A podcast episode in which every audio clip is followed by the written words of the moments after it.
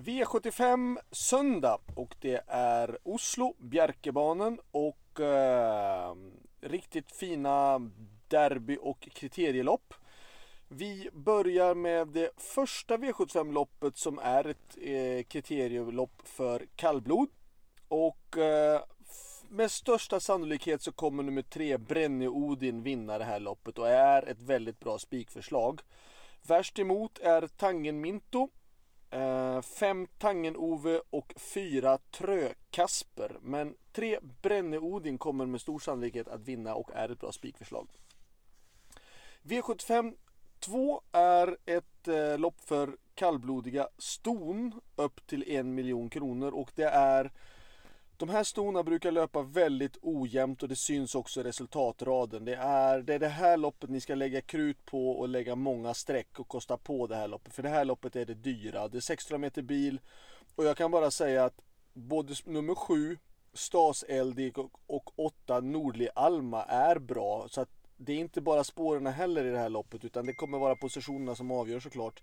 Men eh, och det är intressant med Nordli Alma bara för att hon gör ju debut i eh, Frode Hamres regi.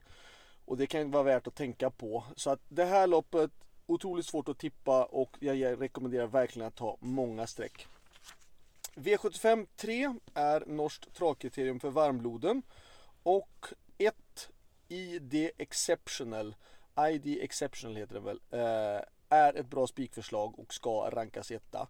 Vill ni gardera då är det nummer två Freedom, tre Trixton Frisell som jag själv kör, uh, fyra Charleston Volo och nio Amazing Justice. Alltså ett spikförslag, annars två, tre, fyra och nio.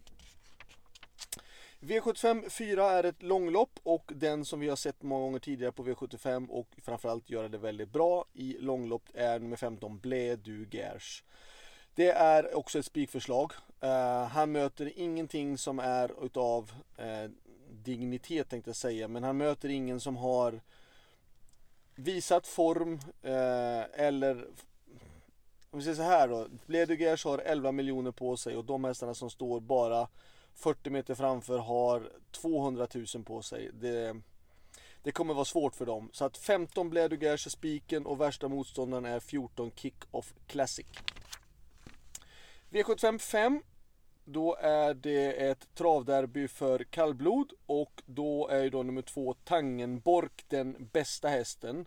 Men han har ändå varit lite, alltså han har varit bäst men han har varit lite grann räddad av gånggången eh, när han har mött 1 och 9. Eh, de hästarna har ju verkligen utmanat honom och det är klart, vill man hitta en spik så ska man spika Tangenborg men passa upp för nummer 1 Langlöds hövding och 9 Oppgårdsdrängen för de har gjort det jättebra. Så jag skulle ranka loppet som 2, 9, 1. V75 6 är ett sprinter, eh, ett högst sprint, eller inte sprinterlopp utan det är ett 2100 meter lopp för den högsta klassen och ett Billsman kommer säkert leda loppet väldigt länge. Eh, fyra Lionel var ju jättebra när han vann norskt mästerskap senast. Uh, tre Sam som jag kör är också bra och eh, är på väg upp ehm, i den högsta klassen. Sex Always On Time, sju, eh, åtta Hicko de Poo och nio Gigant In Valley är väl de som jag kan tycka är intressanta. Men ett Billsman tror jag kommer leda loppet väldigt länge. Och sen är det då tre, fyra, sex, åtta och 9 där bakom. V75 7 är norskt travderby för varmblod och 3 Cicero GTG heter den, inte GT, Cicero TG har varit fantastiskt bra. Två Falcon Eye likadant och sen då en häst som varit bäst men inte haft formen men som har absolut den högsta kapaciteten och som tjänade en miljon kronor förra året men inte fått till det i år. En med fem High Flyer. Um, om jag får ranka loppet så säger jag 3-2 men pass upp för 5. Ehm, så själv kör jag nummer 9 Joshua BR glömde jag nämna och han är väl en häst som kan vara 3, 4, 5 om jag får det optimala loppet i sådana fall. Så det var allt. Ehm, hoppas nu att det kan hjälpa er på vägen. Nu ska jag försöka ta mig hem, fortsätta vägen hem från Bollnäs för att sova några timmar och sen ge mig iväg till eh, Oslo. Ha det bra så hörs vi igen nästa vecka. Hej då!